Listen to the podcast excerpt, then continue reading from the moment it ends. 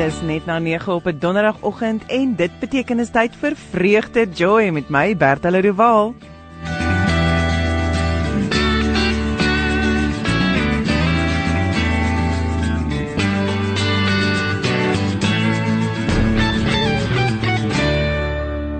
'n vreugdevolle goeiemôre aan 'n ieder en elk wat ver oggend ingeskakel is hier op Radio Kansel 657 AM en op Kaapse Kansel 729 AM. Ek hoop jou dag is goed sover. Ek hoop dat as jou dag nie goed is sover nie, dat die Here vir jou die vreugde sal uitwys in die dinge rondom jou.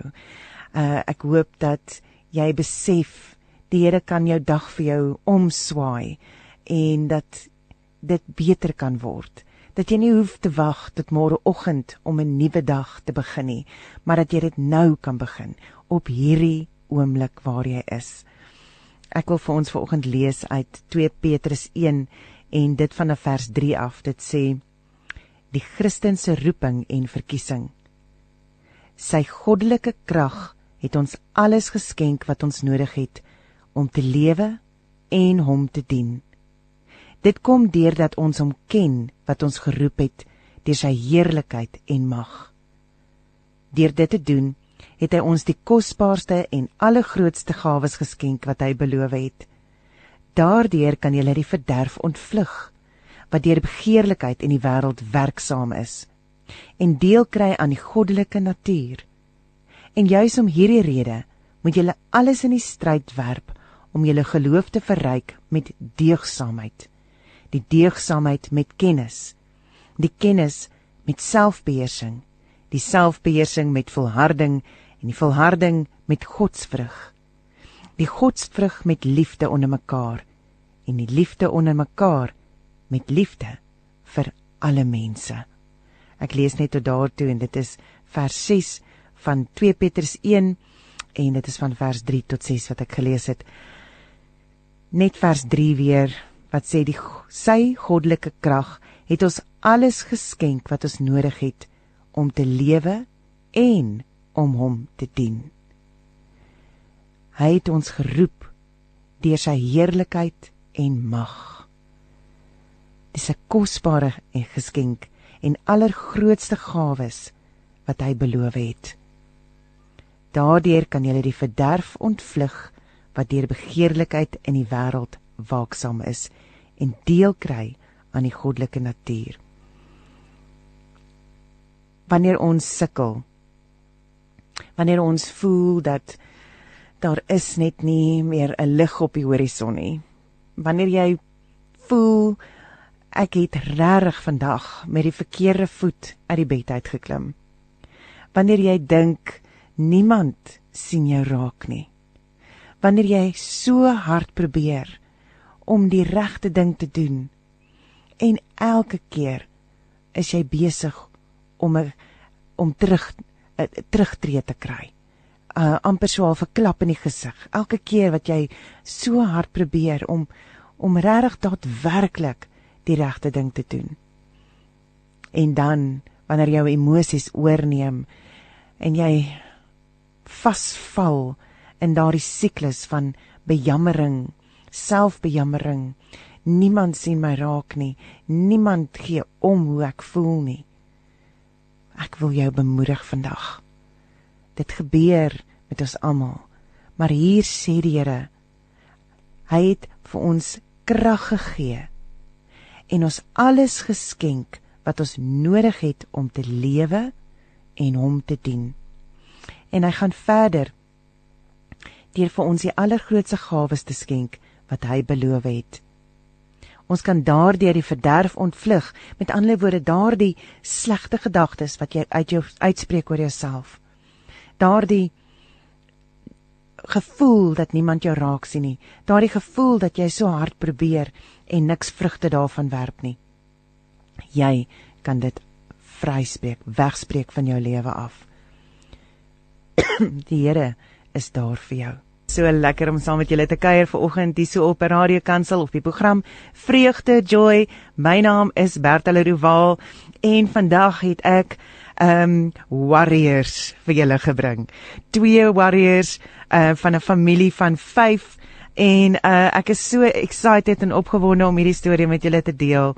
Um die Here is groot en en sy sy voorsiening en sy hulp wat hy ons gee en sy klein wonderwerkies wat vir ons moed gee langs die pad is net iets om regtig te beleef en om om geïnspireer te word.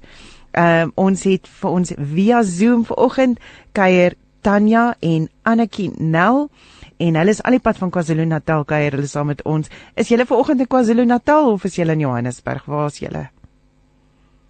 Roberta, ons is by die huis op Tugela, 'n klein plekkie op die noordkus van KwaZulu-Natal. Dis so wonderlik, is lekker om julle gesigte te sien en ehm um, ek dink ons het sommer 'n lekker storie om te deel vanoggend, maar ek vra vir al my gaste voor ons begin, waar het uh julle verhouding met die Here begin? So ek wil uh, uh julle kan maar besluit wie wil vertel, wie wil wie wil vertel van hoe hulle verhouding met die Here begin het. nou, ons het groot geword. Ek en Paul um is al 25 jaar hierdie jaar getroud. Ons het op skool ontmoet um groot geword in Christenhuise, uh, maar jy dwaal maar 'n bietjie af as jy jonk is. Jy is soms maar um baie slim as 'n as 'n jong mens. Niemand kan vir jou niks vertel nie. Um en so het ons um getrou, gesukkel om swanger te raak. Tanya was 'n infertiliteitsbabietjie. En as jy sukkel dan van jy mos maar weer op pad terug na die Here toe en dan gaan dit goed en dan dwaal jy maar weer 'n bietjie af. Um gelukkig deur God se genade uh los hy die 99 om daai een skapie te gaan soek yep. en dan bring hy jou weer terug. Um so ja, ons ons het Christen groot geword, maar die ware betekenis van um Christendom in 'n beproewing, um meer as Christendom, 'n regte liefdesverhouding met die mm. Here het regtig eers uitgekom met Tanya se storie toe toe ons in hierdie storm invaar en ons is basies alleen in ons bootjie gewees op daai stadium. en vertel vir my hoe hoe dit wat het gebeur? Tanya, verdeel 'n bietjie met ons daai eerste deel van van hierdie reis.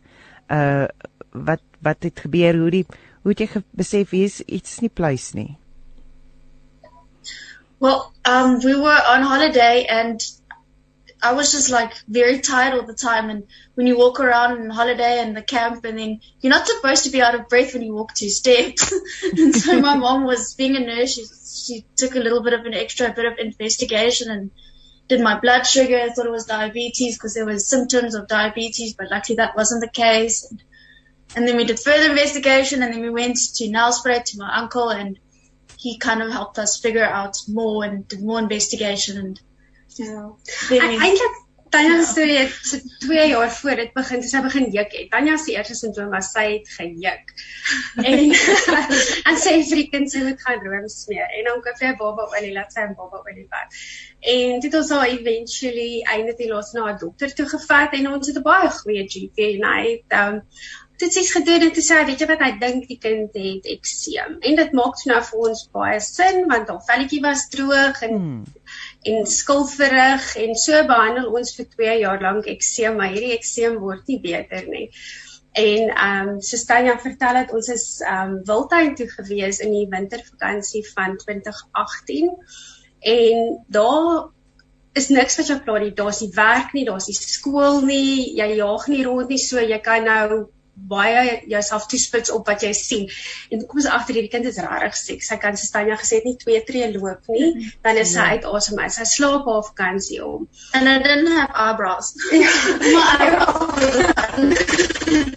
sy was so bleek, gesiggie so maar dingetjie gewees, sy het groot oë en ehm um, toe ek en, en, en ek is 'n verpleegster. Ek sê voorstel om beter te weet. En elk geval en ek sit die dag en dit slaan my soos 'n skoot koue water in die gesig. My kind 'n diabetes want sy het al die simptome. En ons was by 'n klein dorpie gewees en hier moet die suster uit Swaziland uitkom om die enigste kliniek op die dorpie oop te sluit en ehm um, toe toe sy Tanya suiker en bloeddruk en alles is fyn maar ons weet dis groot fout met die kind. Op Paul se neef, my man se neef is 'n dokter in Delspruit en ons skryf nou maar ons vakansie kort en ons ry Delspruit toe met die groot vyf met die kind. En ons lieflike neef hy spring toe in en hy doen toetse links en regs en hy is nou ongelukkig die een wat vir ons moet sê julle kind het nierversaking. Weet van 'n blakend gesonde kind, ehm um, nou jou kind het ehm um, totale nierversaking wat hulle in Engels noem end stage renal failure. Dit is 'n ongelooflike skok geweest want wat doen jy? Um toe moes ons nou rondbel vir 'n nefroloog. Toe word ons nou in hierdie mediese wêreld ingedompel. Ek moet sê um, hulle kies die vreemdste name vir hierdie siektes. Ek meen nefron ja. ek kon dit nou kyk ons het baie woorde geleer. Ons woordeskat het goed uitgebrei die afgelope 3 jaar. Ehm um, ja as dit Tanya ons vlot en mediese terme by nou. Ehm um, ja so ons moes toe nou 'n nefroloog kry wat 'n bietjie moeilik was want dit was die wintervakansie. Mm. en oral waar ons bel is dokters op vakansie en die een is op 'n simposium en daai een is weg oor see en ons kry toe 'n dokter dokter wat bereid is om ons op te neem. Ons is die donderdag uit ja. Nelspruit uit weg. Die Vrydag is Tanya opgeneem einde Junie in in 'n uh, hospitaal in Durban waar sy toe nou vir 3 weke moes bly. En hoe meer toetse hulle doen, hoe meer fout kry hulle met hierdie kind. Ehm um, sy is toe nou eind eind haar haar nierfunksie op was is 5%. Ja. Ehm um, toe kom hulle agter haar cholesterol is deur die dak. Haar cholesterol was iets soos 10 gewees op daai stadium. En sy het kolle op haar lewer en sy het kolle op haar pankreas en haar pankreas op haar milt. Milt is vergroot. Um sy's anemies, sy moes bloed gekry het. Um ja, as as as jy daar staan en al hierdie dokters kom want toe toe word 'n 'n hematoloog ingeroep. Ja en 'n chirurg word ingeroep want toe moes Tanya 'n kateter kry want sy moet nou nood begin met dialyse en hulle doen toetse en jy glo jy kyk is 'n goeie hande want hulle is dokters. Hulle weet wat ja. hulle doen en ons het goeie dokters gehad. Ek ek ek kan nie een fout vind met een van hulle nie. Maar hoe meer hulle krap, hoe meer fout kry hulle en hulle kan nie vir ons sê wat's fout nie. So hierdie een roep nog 'n dokter in en die volgende dokter roep nog 'n dokter in en en naderhand is daar so 'n span dokters en almal praat en jy verstaan nie die helfte van wat hulle sê nie, maar jy besef dis fout. So jy doen die enigste ding wat jy weet jy kan doen as jy bid. So, dan begin jy bid en jy leer om nagte om te bid en in die gees te bid en jy maak 'n uh, 'n WhatsApp groep en jy vra mense wat saam bid en ons het wonderlike mense wat nou nog saam bid van letterlik reg oor die wêreld vir ons. Ehm um, die storie is eintlik baie lank want toe was Tanya wat het ons het getel ons het op die einde van die dag iets soos 14 hospitaal ehm um, opnames gehad 12 operasies ons het oor die dok oor die 20 spesialiste gekonsulteer mee internasionaal en en nasionaal ja. in die land. Um en so elke, ER tests and blood tests and oh, En elke God. keer sit jy met daai vrees en die onsekerheid en die the of the unknown that's out there. Ja, en en almal sê nie vir ons weet nie, ons weet nie, ons weet nie en ehm um, Tanya was op die einde van die dag om sy haar milt uithaal, haar milt was ongelooflik groot en haar bloeding, sy sy het nie opgehou bloei nie, sy kon nie op bloed het nie gestol nie. Ehm um, en al die milt is ook toe nou uitgehaal en die dokter op daai stadium het gesê hulle dink ons kyk na sarkoidose, kanker of TB van die organe. Jo. Ehm um, toe die milt uit is, dis dit nie een van die goed nie. Ehm um, daar's fout, maar hulle kan nie vir ons sê wat die relevantie daarvan nie. Ehm um, tydens cholesterol het toe nou nie gereageer op die aanvanklike medikasie waar hulle op haar opgesit het nie en toe moes hulle cholesterol medikasie verander en ons nefroloog stuur ons toe ek dink half seker maar hy desperaatheid op daai stadium na 'n endokrinoloog toe in Durban en die vrou is toe nou Jesus se antwoord op al ons vrae in 'n klein pakkie. Dierbare wow. vrou, ons is baie lief vir ons het nou nog kontak met haar. Ehm um, sy's net so groot. so dingetjie maar dinamiet werk sê vir jou. Ehm um, En een ding wat ek nogal waardeer het van hierdie vroutjie is toe toe ons die eerste dag in haar kantoor sit, toe kyk sy my as 'n baie moedelose ma op daai stadium en sy sê vir my, "Wat sê jou instink is hierdie siekte?"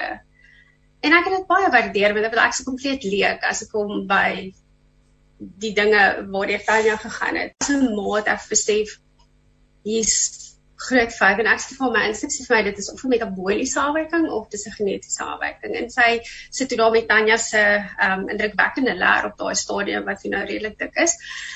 En sy sê vir ons sy stem saam. Sy dink ons ons moet begin met genetiese toets en ons is so bly ons het 'n rigting gekry. Wow. En die volgende skok is toe nou die die ehm um, prys van genetiese toets. Want die meeste genetiese toets is maar in in Suid-Afrika doen hulle baie basiese genetiese toets. Mm. Maar die toets wat hulle toe nou wil doen is net beskikbaar oor see en ehm um, ons kry toe 'n kwotasie vir 55000. Ehm um, Ja. En ek dink die medies die medies sê ehm um, nee, daai is jou eie rekening. ja, en ehm um, toe was ons nou vir die eerste keer ons dis dis probably een van die eerste toetse wat die Here ons geleer het. So die dit was bid. Bid, bid, bid, glo laat gaan want as as niemand weet nie, as elke dokter in die land waarheen jy gaan vir sê ek weet nie, dan voel jy redelik desperaat want erns moet iemand weet. Ehm um, So die eerste les in hierdie hele storie was om letterlik jou kind vir die Here terug te gee en te sê laat u wil geskied. Jo. En sy wil is dalk nie om haar te genees nie, maar jy moet dit aanvaar want jy jy staan voor die Here. En dit was nog 'n 'n oomblik van vrede as jy besef dis jou vader daai en hy het Tanya liewer as wat ek en Paul vir Tanya het. So dit vat oefening en jy moet partykeer gaan haal jy haar weer en jy bring haar terug en dan moet jy haar weer neersit voor die troon. Maar maar een van die ander lesse wat die Here ons geleer het was om nederig te wees en om te vra vir hulp want oei dis so moeilik om te vra vir hulp. Hmm. Ehm um, so ons het 'n uh, fondsinsameling gedoen en ons moes letterlik vir mense sê ons het geld nodig. So ons het die limiet gesit op 55000, ons het 'n backup buddy begin en ons het hulle gesê dis die kwotasie. Ons het 55000 rand nodig en ek dink binne 2 weke het ons oor 100000 rand wow. gekry. Net net vir mense wat gegee het. Ons was absoluut oorweldig. Ons moes naderhand vir mense sê wat ons gekontak het en gesê kom ons doen vir julle golf daar. Kom ons doen vir julle ehm um, skilderaande. Kan ons as nie kom, wat wat ons vir julle doen? Ons moet wonder vir mense sê stop. Nee, ons het nou genoeg. Dit was amazing want daai geld het toe nou op die einde van die dag gehelp dat ons hele gesin kon gaan vir genetiese toetse. Ehm um, so toe die genetiese toetse terugkom, toe hulle 'n halwe antwoord. Alles is ons oh, baie teleurgestel, maar dis dis rond baie veld gewees om vir 'n halwe antwoord. So hulle het 'n afwyking gekry op een van Tanya se gene. So om 'n om 'n siekte te diagnoseer, het jy die afwyking nodig op al twee kopieë van die geen, baie basies verduidelik. En die dokters het vir ons die siekte wat hulle nou al halwe geen toe voor positief getoets het, as jy dit so kan stel is 'n baie rar genetiese afwyking um lank gevat om te leer om dit uit te spreek is nitronophthisis. ja, dis um I just tell everyone it's NPHP3. It's much easier. ja, gelukkig het hulle afkorting, dis NPHP3. En die siekte is soos by the books as hulle in Engels sê wat Tanya het, haar lewer, haar nierfunksie, haar anemie, haar groei vertraging wat sy toe nou sommer korter geword het. Alles alles is hierdie siekte, maar hulle kan haar nie klassifiseer as affected as dit net een kopie van die van die geen is wat hulle gekry het nie. Ehm um, so ontwikkel Tanya toe nou ook hartprobleme. Sy haar haar klop. Hy klop It gets too excited. ja, hy gaan loop met hom weg. en ons nefroloog stuur ons dan na 'n kardioloog toe. Verskoon my. Die kardioloog luister en hy doen toe 'n halter EKG en Tanya het wat hulle noem SVT, supraventrikulêre tachykardie ook. Um maar dit was toe nou God se besturing. Die rede kom Wat beteken dit? die kardioloog se sussie is 'n genetikus wat in Engeland gewerk het met een van die voorste kenners van nephronophthisis. Wow. Wow, dit is absolute bespiering. Dit is die Here. dit daar's nie ehm um, ons neef sê altyd daar's nie iets is toevallig nie, dis toeval sy lig. Mm. As jy dit so sien. So toe toe ons nou weer by die kardioloog uitkom toe vir 'n opvolgondersoek te vra van so het hulle nou al antwoorde en dan sê toe van my dit is die onuitspreekbare siekte maar die probleem is dis net een kopie wat gekry is met die genetiese um toetse. En hy sê my sussie het gesê dis dit. Ek gaan met die reël dat jy haar sien. En so toe kom ons uit by hierdie kardioloogse sussie wat hierdie genetikus is en dis die pragtigste mens in die wêreld. Ek wil sê al die die vroue dokters in ons lewens is nogal regtig goed vir ons yeah. Ja. gewees. En sy het ons daar 'n hele span dokters en dis dit ons nou 'n genetikus by. Um maar wat 'n wonderlike vrou. Sy sê toe vir ons sy verstaan presies wat verkeerd gegaan het met hierdie genetiese toetse. Sy sy stuur dit terug. Um hulle moet dit oordoen daar in Amerika waar hulle dit gedis verkeerd gedoen nie maar hulle moes 'n ekstra stappie bygesit het. Ah. En toe ehm um, stuur sy op daai stadium met ons eintlik die hele gesin toe nou getoets en Mia ons jongste dogter ons het drie kinders ons het Tanjaetjie se oudste en dan het ons 'n seun Marko en ons het 'n dogter Mia en Mia is ehm um, sy's nou 14 Mia se genetiese toets kom toe terug dieselfde as Tanya se mm. en dit wys toe nou ek en Paulus draers van hierdie storie en Marco is ook 'n draer.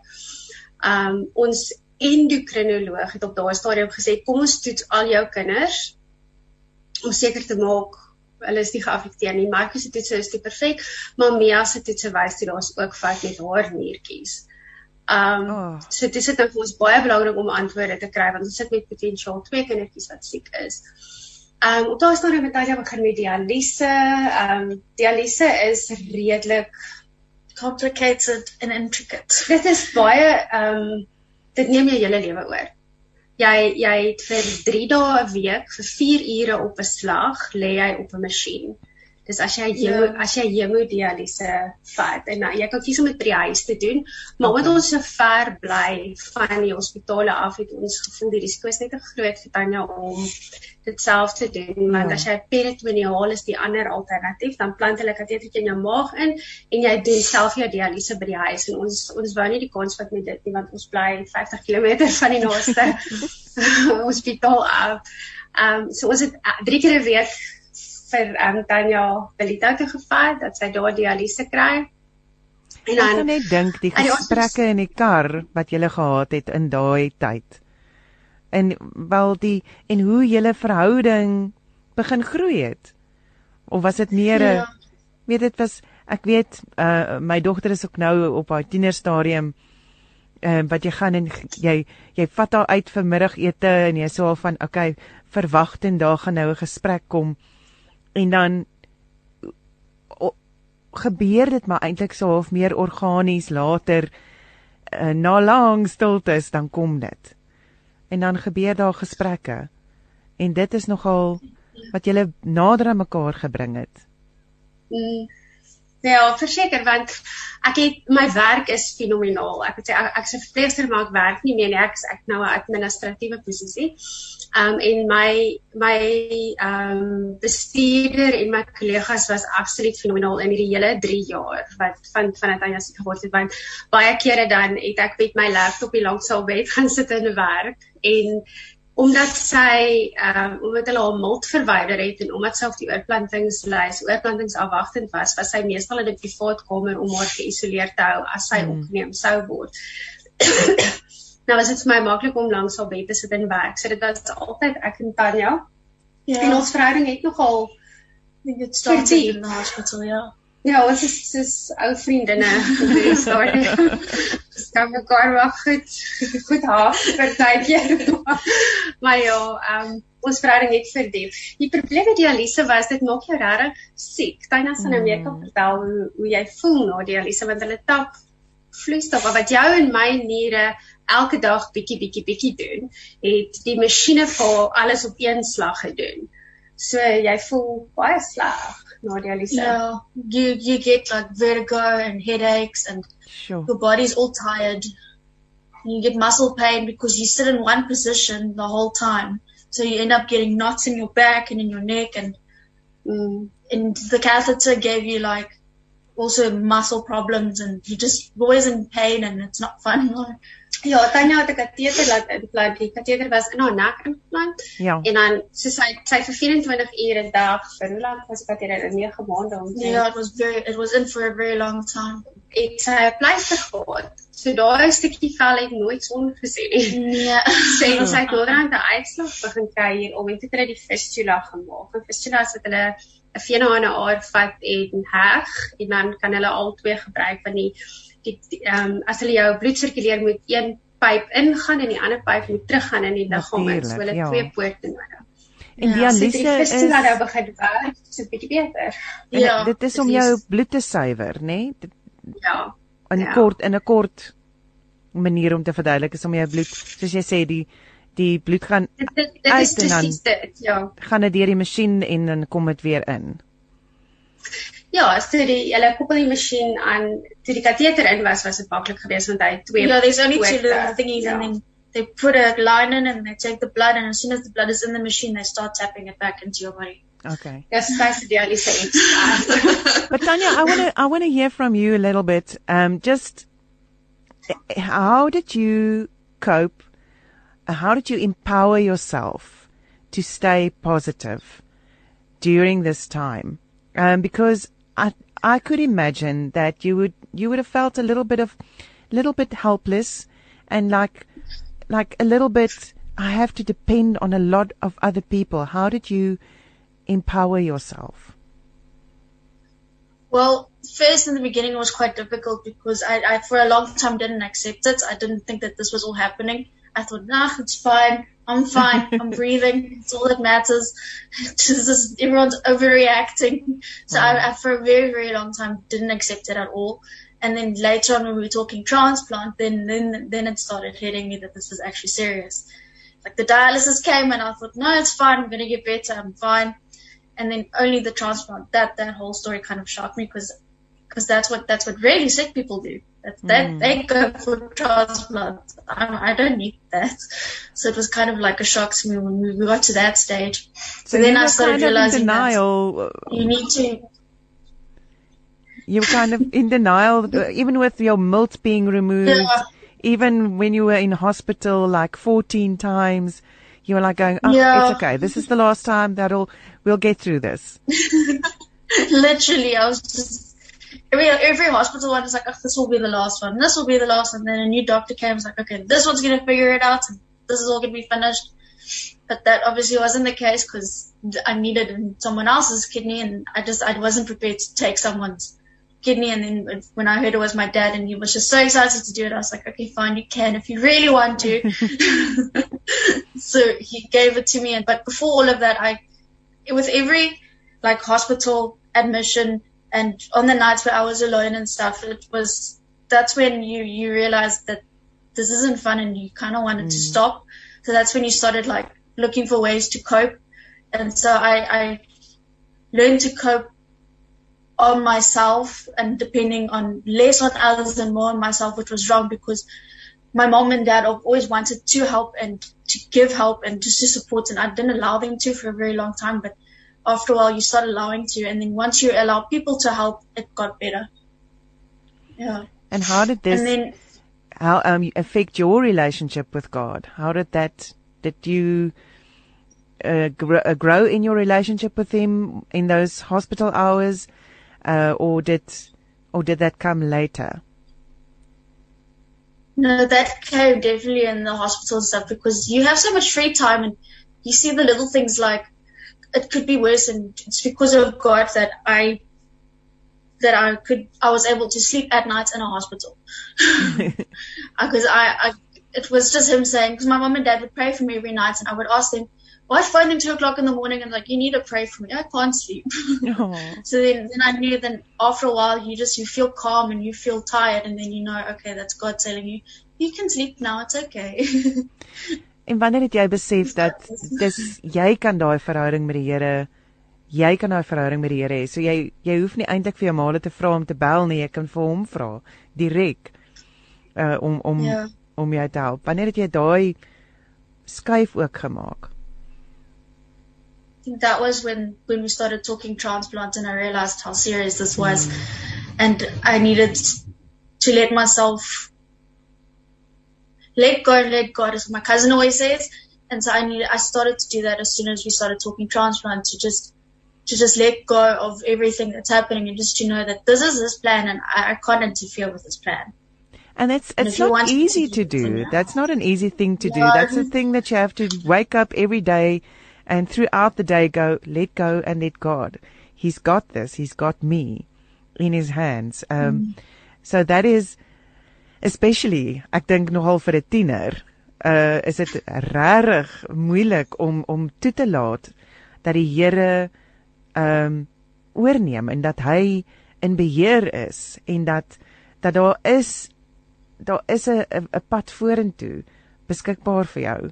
Um hoe het jy het jy maar net elke dag let go and let God laat laat werk deur jou totdat jy kon en en steeds nou ek dink is nog steeds op 'n punt wat jy gaan okay dis in die Here se hande It was definitely not just an overnight decision. No, I, it did take a very long time for me to be able to just to wake up in the morning and just to be able to relax and know that he's he's got it all under control. Because it, in the beginning, I, I literally thought it was a dream. I thought I was in this very, very long, unending dream. And then when you start to realize that it's real, you need to start depending more on God and that this is His plan and it's not my plan, it's His. And my plan doesn't always work out the best because I don't know what I'm doing, but He mm. knows what He's doing.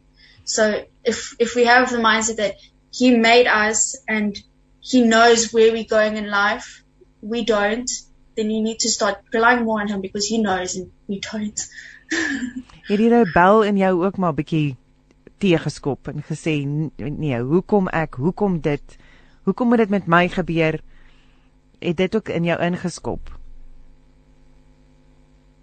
Not really, no. Oh, that's wonderful. ek, ek, sê, ek ek moet sê met die genade van bo het ons nooit die hoekom battle met die Here gehad nie. Nee. Ons het ons ons het eintlik daaroor gepraat eendag. Iemand het ons gevra die vraag en ons het besef nee ons het nie. Um een van die Bybelverse wat vir ons as 'n gesin baie beteken dis in Johannes um 9 vers 3 waar die waar Jesus se blinde man gesond gemaak het en die disippels het vir Jesus gevra so hoekom is hierdie ou blind en hy het gesê nee nee niemand het gesondig nie hy's blind gebore sodat God kan wys wat hy kan doen. Mm. Ons ons Skus ons ek sien ons het 'n onderbreking gehad. Nee, julle um, was nog al die pad daar net so 'n bietjie gedreig, maar dis reg.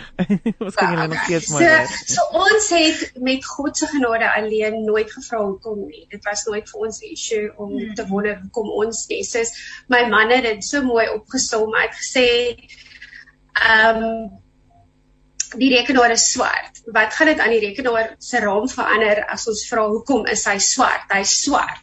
Mm. Hoekom hy swart is, gaan nie die swart verander nie. Ja.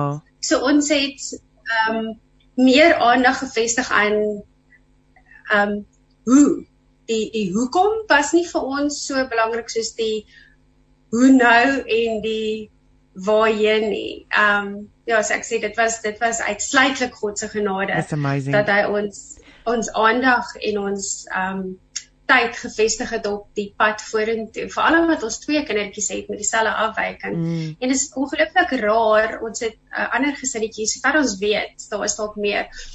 Maar sover as kon uitvind is daar een ander gesin in die land wat geaffekteer is deur hierdie siekte. So ons weet van vyf kindertjies in Suid-Afrika op die oomblik. Hulle het drie seuns en ons twee meisies wat die jo. Ja. siekte het. Ehm um, so daar's baie navorsing wat gedoen moet word, maar mm. van ons kant af, al wat ons weet is God weet. Dis dis on, ons sê net altyd ehm um, God is nog steeds God en hy is nog steeds op die troon en hy weet. Dit is dis mantra. Dis amazing. Ek het gister het ek ook 'n ding gehoor wat die uh, wat ehm um, die vrou gesê het ehm um, ons moet ophou vra vra why and we must start asking what. So dit is daai dit want ek dink as jy vra hoekom dan is dit 'n manier om jou ehm um, weet die teenoorgestelde van empowerment. want dan stel jy jouself onder iets anders. Jy stel hom maar as jy sê what can I do? You are empowering yourself. And you are empowering jy gee dan die krag vir die Here en jy sê wat kan ek doen om net op U te vertrou? Wat kan ek doen om in U heerlikheid te beweeg? En dit is waar jy die waar die empowerment inkom, waar die waar die krag vandaan kom, dink. Ek het um jare terug um uh, ook deur 'n storm gegaan en voor Tanya siek geword het en ek het 'n redelike verbale argument met die Here gehad. Um hy het my toegelaat. maar hy het my geantwoord. Um en toe ek net gevoel die Heilige Gees sê vir my ou beklei dit iets wat jy nie kan verander nie en mm. en fokus op wat jy kan verander. En so toe toe ons in hierdie situasie is en Tanya het siek geword, het ons net besef ons kan sit en jammer voel vir onsself en hoekom ek, hoekom ek hoekom my kinders, hoekom my gesin of jy kan daai daai krag en daai aandag fokus op iets wat jy kan verander en dis om mm. kennis te kry en om mense bewus te maak van mm. ehm um, rare siektes en in ons geval veral orgaanskenking want een van ons grootste ontnugterings was toe ons die eerste keer by die oorplantingseenheid kom en dit was 'n jaar nadat Anja siek geword het dis ons is ongelooflik opgewonde ons gaan nou hierdie ooplatting doen en Tanya gaan beter wees. Yes. Toe hulle vir ons sê dat in daai jaar en dit was die Junie Julie ja. Julie van daardie jaar was daar een uh kadaver oorplanting by daai eenheid gedoen in in daai provinsie op daai stadium. En dit het hulle net vir ons gesê uh daar's 'n ongelooflike tekort aan orgaanskenkers. Mm en dis toe ek en Paul inspring en besef okay so dit moet nou een van ons twee wees. My man is ongelooflik um hands on. Hy's een van daai paas wat in die middel van die nag opstaan hy het ook omgery, hy het bottels gemaak. Hy hy's nou nog betrokke. Hy sal nie skroom om vir die kinders enigiets te doen nie. So niks is vir my man 'n probleem nie en ek het 'n baie duidelike kompetisie daarvan gemaak van wie het die wen hier. is as dit gedieet en geoefen en gedraf en um nog voorsig gedoen. Um my to know hy's toe nou die wenner. ja. maar uiteindelik is Tanya nou die wenner. So dit maak toe nou die saak dat ek toe nou nie die wen die, die, die wen hier gehad het nie. Uh, maar in daai oomblik toe ons hoor wat is so um, dat, dat daar 'n ongelooflike aanvraag is vir skenkers. Toe besef ons okay, ons het 'n unieke platform om iets te kan doen. So ons werk baie nou saam met um, Hero 777. Ehm um, die mamma wat dit begin het of wat een van die um, mense verbonde is aan die organisasie se seun het hart en longe gekry. Hy was ongelooflik lank op oorplanningslys hoor vir hy sy hart en sy longe gekry het. En ek het ongelooflik baie krag uit haar. Sy's ook 'n Christen mamma. So ons het gisterand gepraat, ehm um, maar net weer, dit is 'n klankwoord. Dit is net so ehm um, lekker om met 'n 'n mamma te gesels wat deur dieselfde gaan wat jy voel net dadelike ander koneksies. Ja. Ek en die mamma in Bloemfontein wat se seuns die die siekte het. Ons het ook mekaar op Facebook raak geloop en daar's 'n groep. Daar's 'n groep vir mense met NPHP3. Ehm um, die groepie bestaan al etlike jare en daar's maar net 100 en iets mense op die groepie. So dit is 'n regtig rare siekte en dit kom baie in families voor. Ehm um, so dit dis sien ek hierdie mamma daarop gepost en ek sien ehm um, sy's van Bloemfontein in Suid-Afrika en ehm um, ek sien dit voor terug. Ek gaan jou bel wat jou WhatsApp of wat jou nommer en en so kontak ons mekaar gereeld ons um net, net om te weet iemand anders is daar en hulle gaan deur dieselfde en dit help ongelooflik baie om te weet God hou ons almal bymekaar en God mm. bring ons almal bymekaar want op die einde van die dag um Hy verstaan wat jy nodig het en hy verstaan ja, die Ja, Tanya is siek en ja, Miaatjie gaan jou moontlik dieselfde pad stap, maar dit is 'n ongelooflike unieke platform wat ons het. So jy praat uit uit 'n storm uit kan jy kan jy lig spreek in die wêreld in. Absoluut. Ek dink dis uh, dis wat God verstaan wat jy nodig het en hy sien ook raak. Uh en, en wat so wonderlik is, ek dink eers op jou op julle Facebook page um uh, Tanya's and Mia's uh, journey our life with a rare disease. Daarso is eers het jy gesit, Annetjie het jy gepost um welcome to the transplant moms club en dit was so daai foto van die fight club van weet die ouens wat so staan en hulle is foos gefight maar hulle is nog steeds reg om hulle om hulle vuiste op te sit en ek dink dit is wat so wonderlik is is die ondersteuning. Ehm um, die feit dat daar 'n Facebook is en dat daar 'n groep is en dat jy iemand anders gevind het met hierdie rare siekte in die land waar jy net so amper 'n bietjie kan asemhaal en sê hier is ons nou hier is iemand wat weet waar ek deurgaan want ondersteuning is wonderlik van familie en vriende en en van pastore en leraars en almal en mense en maar daar bly altyd iets in die agterkant net wat sê jy verstaan nie ten volle nie. So jy het en jy het vir Paul en Paul het vir jou maar net om 'n ander mamma ook te kry. Uh ek dink versterk jou en die Here weet wat jy nodig het. Ja, absoluut. Hy hy's ons altyd een stap vooruit. Ehm um, met die oorplanting ook. Ons oorplanting is al twee keer uitgestel voordat dit nou eintlik gebeur het. Die eerste keer wat dit uitgestel is, het Tanya se fistula op haar werk en op daai stadium het hulle haar kateter al uitgehaal. So haar fistula was die enigste dialyse poort. En dit is baie belangrik om altyd 'n dialyse poort beskikbaar te hê vir nierversaking pasiënte want as enige iets fout gaan, dan moet hulle dialyse kan doen. So dan kan jy nou nie eers weer teater toe gaan en so aan. So die die fistula, ehm um, wat ons noem bus, um as jy jou hand op hom sit dan you can literally feel the blood flowing. Ja, dit voel amper asof dit 'n elektriese skok. Dis Tanya se paart dit. As jy mense 'n bietjie wil skrik maak as jy voel my fistula. mense sê gesê dis wat. Dis is Iron Man se buzzer. Ja, ja, dit voel dit voel amper elektries as jy daarin vat. En die dag bel sy my hysteries. Ek was in Benita met Nia gewees en sy sê net, "My fistula stop buzzing." En ons is so koud as sy, "Nee, nee, kom ons gaan ons ons moet die dokter bel." Gelukkig ons het 'n ongelooflike oulike nefroloog, ehm um, uit vir ons sy selfoonnommer gegee. So ons WhatsApp ons dokter. En hy ehm um, O, oh, hy sê net kom in, kom in en ons ry deur en hy's hy's 100 km van ons af. Ons bly um baie baie ver van alles en almal maar ons bly in die paradys, so dis okay. Um, en toe ons daar kon sê, okay, ja, die fistula het gefaal, sy gaan met hospitaal toe gaan. So na 'n chirurgiese ingreep moet jy 4 tot 6 weke wag. So die oorplanting is eers keer uitgestel met haar fistula het geval. Toe sy 'n redelike groot operasie gehad het, hulle die fistula het te so groot geword dat hy geknak het in homself. So die dokter moes daai stukkie uitsny, weer reg. 'n kateter implant wat jy nou 6 weke wag dat die fistula gesond word. Hmm. So sy moes weer dialyse deur die kateter kry. En toe dit nou weer tyd word vir die oorplanting, toe gebeur COVID. Toe sluit hulle alles um by die oorplantings aanbetref. Dit dit was so net op daai stadium ons nefroloog het gesê die risiko is net te groot vir Tanya om blootgestel te word aan COVID want jy is dadelik na die operasie onder begin hulle jou immuniteit onderdruk. Ja. So toe ja, dit en hulle on, hulle onderdruk die immuniteit sodat jou liggaam die nier aanvaar.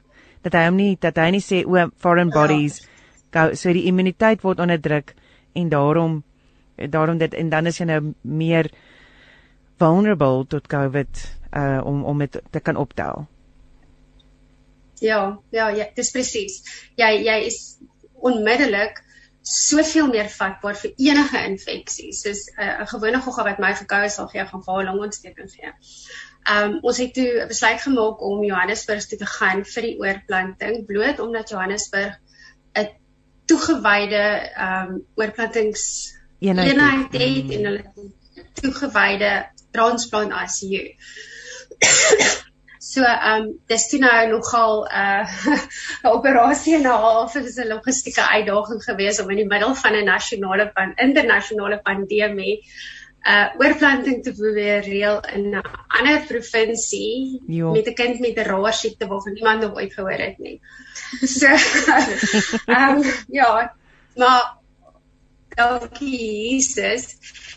Die dag toe ek die oorplantingseenheid in Johannesburg bel, tel hierdie vroutjie die foon op en ek en sy begin gesels en sy het letterlik alles gedoen. Sy het een vorm gestuur en gesê teken hier, teken daar en stuur dit vir my terug en die wow. res het sy alles self gedoen. So die die meeste van die administratiewe um uh, uitdagings het sy self beheerdig. So dit was wonderlik. En toe um ek selfs in Johannesburg het hulle nog nooit gehoor van die Throne of Isis nie. Ons moes hulle um links stuur en doktersbriewe stuur en Um Tanya se lewer en sieme lyk ook nie wonderlik nie. So op 'n stadium het hulle gesê hulle wil 'n gesamentlike lewer nier oorplanting doen. Sjoe. Wat dit ons gebeur, waar ek sê vir jou, ja. Ja. Daar bid jy, want dit is dis raar, dit is al gedoen, maar dis dit sit ons weer in die ultra raar area want want dit is dit is ja, dit, dit was nog 'n bietjie van 'n benauwde. There is enough rarities for now. Ja. Wil Ja nee, ek het net gedink Here, dankie. Maak kan ons maar een van die ander lotto's ook wen. Hulle het nou die Jean lotto gewen. Ehm um, met rarighede so bietjie anders sal ook gaan wees, baie dankie. Maar ehm um, ek het sien die die die in Johannesburg was absoluut fenomenaal geweest. Ons nou 'n datum het. Toe doen hulle 'n keelswap op Tanya rotine want sy het 'n bietjie van 'n seer keel gehad en hier kweek sy 'n gogga wat nogal 'n probleem was. So dit is die oorplanting van die derde keer uit uitgestel vir 'n week. Oei. En um ja, dit was nou in Junie. En toe sê die dokter ek het hierdie kursus antibiotika. Nou gaan ons oor 'n week herhaal ons die swab en ons kry toe nou 'n uh, voor voorlopige datum vir die oorplanting. En die Vrydag herhaal Tanya haar keel swap maar antibiotika is klaar en die Sondag moet ons ry. Die Sondag moet ons Johannesburg ry, ons het nog nie die uitslaa nie en ek en Paul besluit net in geloof klim ons in daai kar en ons ry Johannesburg toe. Ons het gebid en ons het net vir eers gesê gaan maar die kliere moet laat afval of, of iets as jy nie wil hê ons moet Johannesburg ry nie, maar maar ons ry na Johannesburg toe. Wow. en Tanya moes 'n COVID toets doen die Sondag om in die in Johannesburg in die tweede sit in Johannesburg in die nie COVID dialyse eenheid toegelaat te word. En ja. toe ons by Belita in die in die um drive-through COVID ry staan te kry as die uitslag van haar keelswap en die oorspronklike goggas weg, maar daar's nou twee nuwe goggas. Oh, um, no. En ek was yskoud en ons dink net ons gaan nou ry. Ons het alles geboek, alles is reg, ons BNB's betaal, ons ry. Um en ons het deurgery die maandag het ons die Tanya dialyse gehad die maandag die ja. Dinsdag was die vakansiedag in Junie gewees. Die Woensdag het ons die eenheid gesien en Valentine het hulle kruistoetse herhaal dit as 'n as 'n um laaste tik om seker te maak Tanya se nier maak. Ag Tanya se liggaam maak nie teen gaan besteenpal nie en die oorplantingsverdieners sê so vir ons in die verbygaan ja ja ja ons het gesien daar's twee nuwe goggas maar die nakotiseer sê dis nie 'n probleem nie moenie worry nie. En ons is dankie Jesus. Prys die Here. Ons het die regte besluit gemaak deur want ons het net gereken die wiele het nie afgeval nie so ons ry. Ehm um, ja en ons het ehm um, die hoof van die ICU die hoof van die oorplantings ICU dit klink, klink vir my hulle roteer en die persoon wat ons toe nou kry is ook vir deur Jesus by die hand gekies. Want toe hy hoor ek is alleen in Johannesburg en ek gaan nou maar buite staan, toe sê hy nee. Nee nee nee. Jy kan nie alleen wees nie, jy kom in. Julle al drie doen COVID toets die Sondag voor die vir die operasie. Mm. Ehm wow. um, die Dinsdag is hulle opgeneem. en en jy kan die hele dag langs hulle beddens wees, ek sal dit oh, goedkeur. Wow. En weer eens is net prys die Here mm. vir hierdie hierdie amazing man wat jy in ons lewens gesit het. Deur die oorplanting 'n week uit te stel, het ons op hierdie ouste siklus uitgekom. Ehm um, ek weet jy ons uit daai eenheid uitstap te besef ons net ons moes altyd daar gewees het. Dit is die oh. eenheid. Dit is want ons het gebid. Ons het van die begin af gebid vir die regte harte, die regte mm. hande mm. en die regte tyd vir hierdie oorplanting. Want die die chirurge kan hoe goed wees, maar as die staf in die in die hospitaal nie goed is nie, dan kan dit half die hele prosedure onklaar maak. Mm. so vir ons ons het baie spesifiek gebid vir die harte en die hande wat aan ons geliefdes moet werk. En toe ons daar uitstap die dag uit daai eenheid uit te besef ons hierdie is die ja en die amen op al ons gebede. En Tanya is die Ja, dis die Dinsdag opgeneem, 22ste Junie. Ja. En en weer eens, al die staf was fenomenaal geweest. Die die twee narkotiseers want Paul is eerste in teater in en toe ja. hulle die nier begin uithaal, hulle noem dit the point of no return, toe stoot hulle vir Tanya in en altyd die narkotiseers het my kort kort gewhatsApp uit uit teater uit om te sê hier wow. gebeur dit, hier gebeur dit, alles lyk like, is nie was ek was ek so te sê daar gewees. Dis spesiale treatment daai hoor. Ek weet, ek weet hoe ongelooflik. Ek ek kan net sê dis die Here se genade. Hy het my mamma hart gesien en geweet hierdie hierdie laaste opdraande pad gaan nou regtig moeilik wees want hier moet ek nou alleen wees. Verstaan, my familie is ver. Ek is alleen in Johannesburg. Paul en Tanya is in teater. Hulle haal 'n stuk van Paul uit. Tanya gaan nou 'n major operasie kry. En ja. as sit hierdie engele om my wat my net dra en my regop hou. En ek moet sê selfs my werk, my kollegas, vriende, ek was so besig om WhatsApp te stuur dat ek nader net gesê het vir die ouetjies, wag net 'n bietjie, laat ek net eers bietjie ontspan met ek op 'n stadium het ek het ek onthou dat ek in die wagarea gaan sit van die hospitaal want dit was besig. En ek het gevoel ek wil net vir die mense om my hê, maar jy kan mm. baie keer baie alleen voel in 'n baie besige plek en dit maar weer in die wagarea gaan sit. En daar het ek net vir die Here gesê, kyk, hierdie is die moeilikste ding wat ek nog ooit gedoen het want jy moet jy letterlik laat gaan. Um en en God het hierdie manier om om met 'n groot hand net net my vrees plat te druk en weg te vee en dan jy gracefully numb.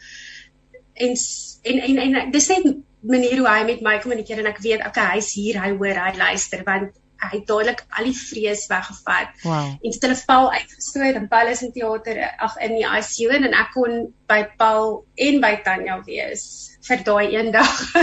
Um, so ek ons was al wakker van van die vorige aand het ons vroeg gaan slaap en toe 12 uur te bel die hospitaal ons en sê o so wat ek kan jy 'n bietjie vroeër inkom want daar's 'n kadawer wat beskikbaar geword het so ons gaan 'n kadawer oorplanting ook doen.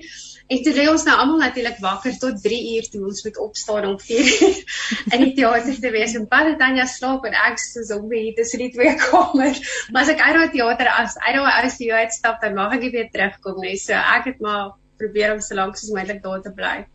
Ehm um, maar ja, die die die hospitaal was amazing. Ons is net so geseënd geweest deur die engele wat die Here in in ehm um, in ons pad gesit het. Mm. Mense wat wat goed vir jou doen, mense wat goed vir jou gee. Selfs met ehm um, die wat ons Johannesburg gebly het, het ons toe toe dit nou lank raak toe reël ons dat ek by ehm um, my nuwe skoonma se dogter gaan bly en ek het hierdie vrou nog nooit in my lewe gesien nie en sy is so goed vir ons gewees. En daar het ek 'n nuwe vriendin. so sy en haar man was amazing geweest en en ons het net so lekker gekuier. So dit is net so so, so vers as wat ons gegaan het. So moeilik soos wat ons ons ons pad is, so goed is God vir ons. Wow. Um Ons die, ek dink die grootste les wat ons geleer het is om dankbaar te wees vir die klein goedjies. Want selfs selfs God se nee is vir jou beswil. As God ja. sê nee of God maak 'n deur toe, dan moet jy aanvaar hy het 'n rede en hy beskerm jou of hy het iets beters vir jou. Mm. Daai les het ons baie moeilik geleer, maar ons aanvaar nou 'n nee beter. ons dis, dis nog moeilik. Jy's nog maar mens in 'n vlees wat beklei. Ja. Maar maar, maar jy ja. ek dink jy kan sien as jy terugkyk uh, die die, die weet dit is uitgestel met 'n week, maar dit is gee die regte kondisies vir jou as Annetjie as ma om om ook net rus te hê en vrede te hê tydens die operasies. Ehm um, en en ja, ek meen ek het nou 'n bietjie gekyk ook verder het julle julle het julle het goed deurgekom deur die deur die ehm um, operasie en deur die oorplanting. Ehm um, maar toe het COVID ook toe nou maar sy sy aan ehm um, sy entrance gemaak. Uh en en dit ja. dit is dis moeilik om daardeur te gaan. Dis so half van really serious. ja, dit is daar's vir ons gesê bly negatief en kom in die hospitaal en ons het ons deel gedoen. Mm, so dit ja. is 'n tik tik tik. Ons is negatief, ons is in die hospitaal, die operasie het goed gedoen. Tanya se nierfunksie is dadelik na die operasie beter gewees en die maandag, ou oh, maar sal die maandag die dieselfde dokter wat in beheer was van die oorplantingseenheid het gereël dat ek die maandag vir daai gaan kyk want sy het emosioneel 'n bietjie swaar getrek alleen daar mm. en sy was geswel sy het haar gesiggie en haar voetjies was so geswel geweest wow. ja en ehm um, En nou ek het so die die Sondag het ek 'n negatiewe moes ek 'n COVID toets doen her toe nou herhaal. Mm. Ehm um, dis toe nou negatief en ek kon by Tanya gaan kuier het en ek en sy het so 'n amazing paar ure saam in die hospitaal deurgebring. Ek het haar gebad, haar haartjies gebad, haar gevry. Dit wat jy nou nie meer kan doen as jy 'n dogter van 20 het nie. Want dit was dit was net so 'n lieflike bonding session. Ja. ja. Dis in ons gewees.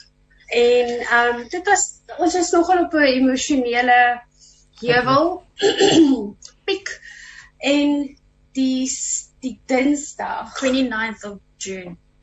Ja, bel sy ons en sy sê en sy hysteries. Tanya is hysteries. Sy snik soos sy kan nie eers praat nie. My doctor came in and this doctor is very jokey. He wakes me up in the mornings and he's always laughing and he's always telling me jokes. So when he's like, Tanya, did the doctors come and tell you the news? And I'm like, no, doctor, what what news? You've got COVID. I'm like, no. He says, yeah, yeah. And I'm like, doctor, please tell me you're joking as oh. you usually do.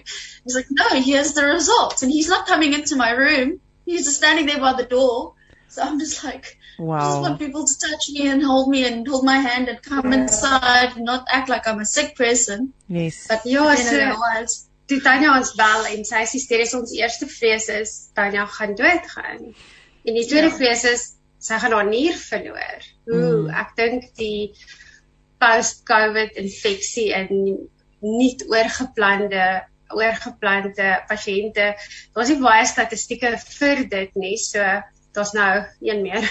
maar in 'n geval, ehm um, toe gelukkig die die serotonin val vra het hy het hy ook um, simptome val was dit as simptomaties en ehm um, ons ry toe nou om hom te laat toets en ons gaan terug huis toe en hy toe vinnige toets die antigen toets wat ek dink is 'n uur. Ja. Sjoe. En ehm um, alles te positief. Oh. Ehm um, en ehm um, die dokter bel toe nou en hy sê dit bel met Paul se pas minder as 'n week terug 'n uh, groot operasie gehad het hulle het hulle sy nier uitgehaal en hy is nog siek. Ehm um, mm. gaan hulle hom weer opneem en ek wou wel gaan aflaai het, maar dit was curfew op daai stadium was van 9 uur gewees. So hier ry my man weg.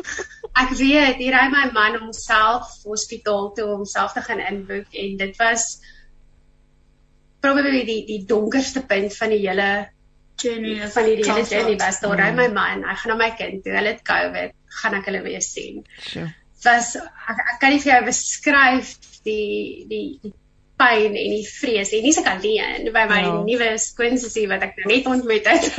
so jy's so 'n bietjie lig, skugter om te deel. Mm. Maar hulle was dierbaar, maar maar dit is net ja en en daar weer eens verstaan ek die die die Bybel sê as jy nie weet wat om te bid nie, verstaan die Heilige Gees jou jou kreuninge of jou jy jou kreun en steen en en Jesus ek het net gehuil in my kussing daai aand en en ek het nie my my gebede was 'n woord. Al wat ek kon uitkry was Jesus. Dit was soos die hele aand was Jesus Jesus Jesus. Dit ja. was net 'n uit my hart uit was dit my gebed. En en die volgende oggend Paul Paul het actually baie goed gedoen. Tanya was was ook baie goed. Die dokters het gesê die ongelooflike hoë dosis kortison waarop sy was direk na die oorplanting het haar gehelp. Wow. Want kortison, dosis kortison is is van die behandeling wat hulle gee vir COVID pasiënte. So Tanya en Paul het nooit regtig siek geword van COVID nie en en prys die Here. Ehm um, maar hulle kon 'n kamer deel. So Paul hmm. was langs sy dogter om haar te ondersteun in die tyd. Tanya het net baie vog op haar longe gehad, so hulle moes dit fisies met 'n naald aftrek sê dit ehm um, weer 'n prosedure gehad by straatsplant het hulle ja. omtrent 2 liter van haar longe afgetrek. Ehm um, maar dit het beter gegaan. Ja. Ja. so, so ek ja. dink wat my maar selfs die COVID ook want ehm um, kan ek net sê met, ja. met Tanya wat COVID gehad het omdat sy uh, die die eenheid se eerste neuronofasis pasiënt was, het sy nogal redelik baie aandag gekry by die dokters. Ek bedoel daar was elke dag 'n 'n nuwe dokter, 'n nefroloog en 'n uh, intense wat hulle noem intensivist en 'n uh, pulmonologist. Um,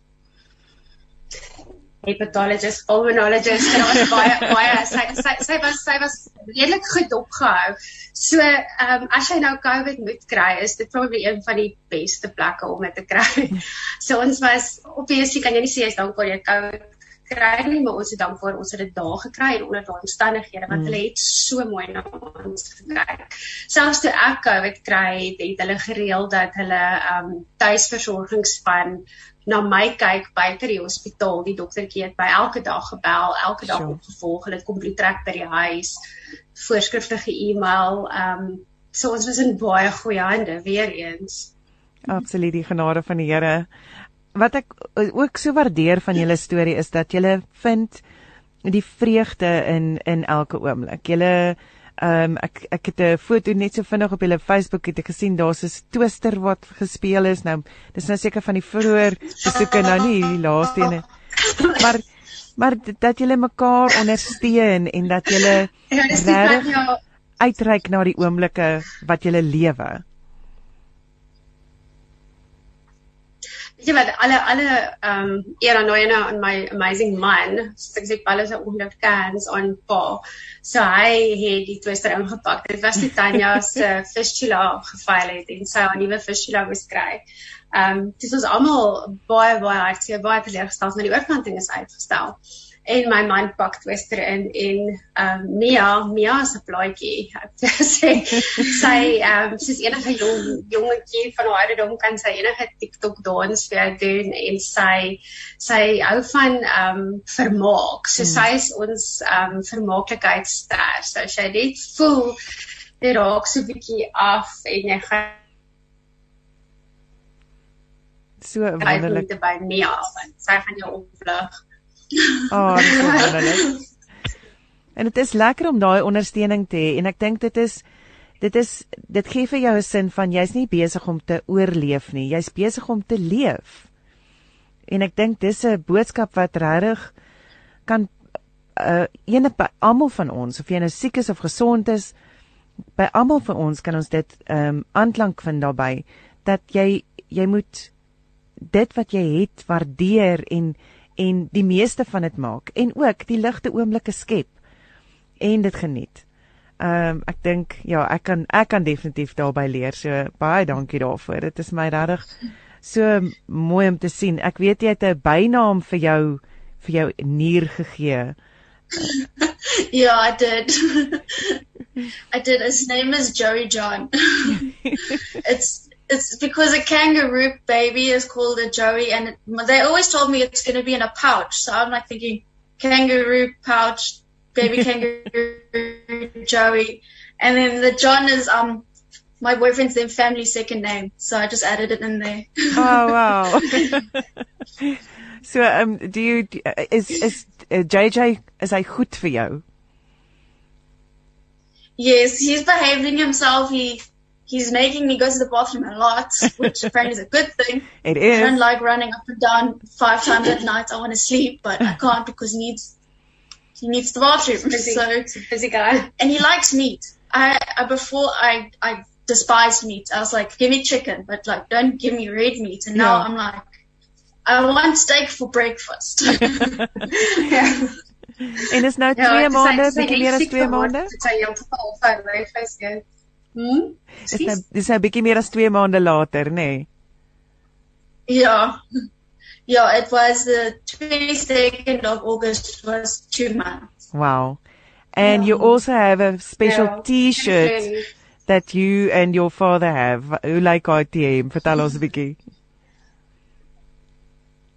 We got it from my aunt, my the the uncle my uncle who um diagnosed us of me with the condition and his wife, um, my aunt, she arranged these t-shirts because she had friends who also had the, the mother donated to the daughter.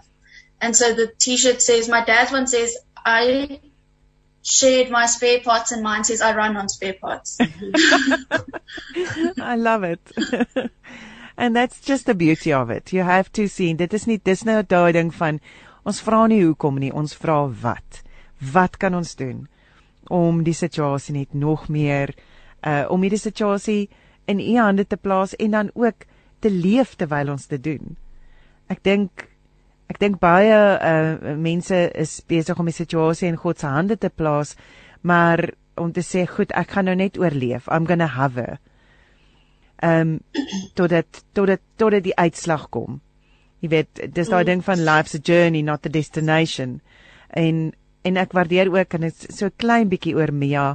Ehm um, dit sy se gimnas en en dat sy steeds voortgaan met haar gimnastiek en dat sy nie so half in afwagting is vir wanneer haar diagnose nou gaan inskop nie dat sy tog voluit lewe um dit wat wat sy kan bemagtig en dit wat sy kan doen en om dan nog ook julle te te te om julle op te cheer en om vir julle ook daai vreugde te gee en ek dink dit kom van van van die ouers af ook en en van die van die sissies en die die band wat so sterk gegroei het as vir julle as gesin. Ehm um, as daar 'n boodskap is wat julle graag wil gee aan gesinne wat deur iets gaan. Ehm um, en ek ek wil net iets noem wat ek nou dag ook gehoor het wat wat sê Psalm 23 sê is yea though I walk through the valley of death you are with me. Um, so jy wo, jy loop deur dit. Daar's 'n daar's 'n daar's daar's 'n tydens uh, soos jy gesê die storm, die storm woed vir 'n tyd, maar hy gaan verby. Daar is weer sonlig en vreugde en in tydens die storm is daar ook oomblikke van uh wat wat dit oopmaak en ooptrek wat jy kan sien. So dit is dit is my amazing. Um deur hierdie tydperk is daar 'n boodskap wat jy graag wil um gee aan die families wat tans ook deur hulle storms gaan. Well, from a from the sick child in the family point of view, I would say that if if a person doesn't have to be a physical sickness, it can be a mental illness or something that you're going through, you know, at work or at school or whatever. Like I said in the beginning, I, it took me a very long time to ask for help from from my family and from my parents. And mm. You don't have to do it alone. You don't. So if if I could just tell them to please just just don't be afraid to ask your parents or just mm. to even ask your little sister. Like she's actually very smart. just to ask them like, I'm not having a good day. Can you help me? And then they'll be surprised that they actually want to. And you don't have to feel like you're a burden. Sometimes you do because you it's you because you always like seem to be asking for help, but then you realize that they want to, and mm. then you feel better because you're actually doing them a favor because they want to help and they don't know how, so you end up doing them a favor and not yourself. But yourself as well. dis probably die grootste les wat ons besleer mm. is om mense toe te laat om te help want dis partykeer is dit al wat daai persoon kan doen is om vir jou 'n baksel beskuit te gee of of 'n boek te koop. Dit is hulle voel so magteloos, maar hulle wil help. So mm. laat mense toe om jou te help. Dit is vir hulle 'n vreugde om te gee. Moenie moenie hulle daai vreugde van gee ontsê nie. En die, die grootste les wat ons probably geleer het in hierdie hele journey is en dis 'n daaglikse les is om God op sy woord te vat. Ja is is delf in die woord en gaan soek daai Bybelvers. Bid, God gaan jou antwoord. Partykeer is sy antwoord nee, partykeer is sy antwoord wag 'n bietjie, hmm. maar God gaan jou help. Dis soos as ek terugkyk na die wonderwerke, soos ek gesê het Tanya het het 'n hartklopings gekry en ons het by 'n kardioloog uitgekom wie se sussie die genetikus is wat toe nou uiteindelik gesê het, "O wag, kom ek kry julle antwoord." Um die die cholesterol wat nie wou afgaan nie wat nou beter is um het ons by die endokrinoloog gekry wat die diagnose vir ons gemaak het mm. die nee wat ons gekry het elke keer hier in in Natal het ons toe nou laat besluit ons gaan Johannesburg toe gaan bloot omdat hulle beter opgeset is om om COVID te kan hanteer omdat hulle 'n yes. toegewyde eenheid het wat net oorplantings doen Ehm um, en en daar het alles reg uitgewerk. COVID en kluis, want nou sit ons met teenliggaampies want vir die eerste 3 maande mag ons manager gaan en amper niks doen nie. En en ons weet ons met die vaksinne kry op 'n stadium, maar ons kan nie nou oor bekostig om Tanya in 'n groot groep mense in te vat nie. So nou gaan steenliggaam, verstaan? So God laat letterlik alles ten goeie meewerk. Jy sien dit nie nou nie, maar maar bly voor die troon. Verstaan? Ek ek en wel sê altyd party dae het ons voor die troon gekniel, party dae het ons voor die troon gelê en huil soos 'n baba. Uh, verstaan en hmm. en ander dae wat jy jy sterker gevoel. So vat God op sy woord en en selfcare. As jy as 'n uh, as 'n 'n carer, as 'n ouer, as iemand wat vir 'n siek persoon moet sorg, jy moet goed wees vir jouself ook want jy kan nie uit 'n leë emmer uitskep nie. Hmm. So dis oukei okay om jouself in jou kamer te gaan toesluit en en en video games te speel. Ek sê altyd vir die kinders I just need a brain dead moment please en dan speel ek my game. So net net daai halfuur wat jy wat jy afsit en niks doen nie. Um of of wat jy op die strand gestap of seker maar, maar maar luister jy jy mag vir jouself ook sorg. Um ons voel altyd as ma's en pa's jy moet alles doen en jy moet altyd al die antwoorde hê. Um En partykeer is die antwoord net ek weet nie en ek gaan nie nou nie want ek het nou nodig om te rus. Um ons het baie moeilik geleer ja en nee sê. Um hulp aanvaar en partykeer net vir mense sê sorry ons gesinnetjie het 'n breek nodig. Um maar luister vir God en luister vir jouself. Um en grace. Ek het 'n um 'n boodskapie gesien net so um Twitter wat sê grace heals en en ek sê se se genade, genade vir die mense om jou want hulle gee hulle beste. Genade vir jouself wat jy jy probeer en dan vertrou op God. Dit is net vat God op sy woord. Dis probably die die die grootste les is vat God op sy woord want hy is 'n getroue Vader. Jy hoef nie te weet hoekom om te weet wie nie. Amen en amen. Absoluut. Jy hoef nie te weet hoekom nie om te weet wie nie. En vra altyd wat eerder as hoekom. Baie baie dankie dat jy hierdie storie met ons gedeel het vanoggend. Ons waardeer dit regtig so opreg.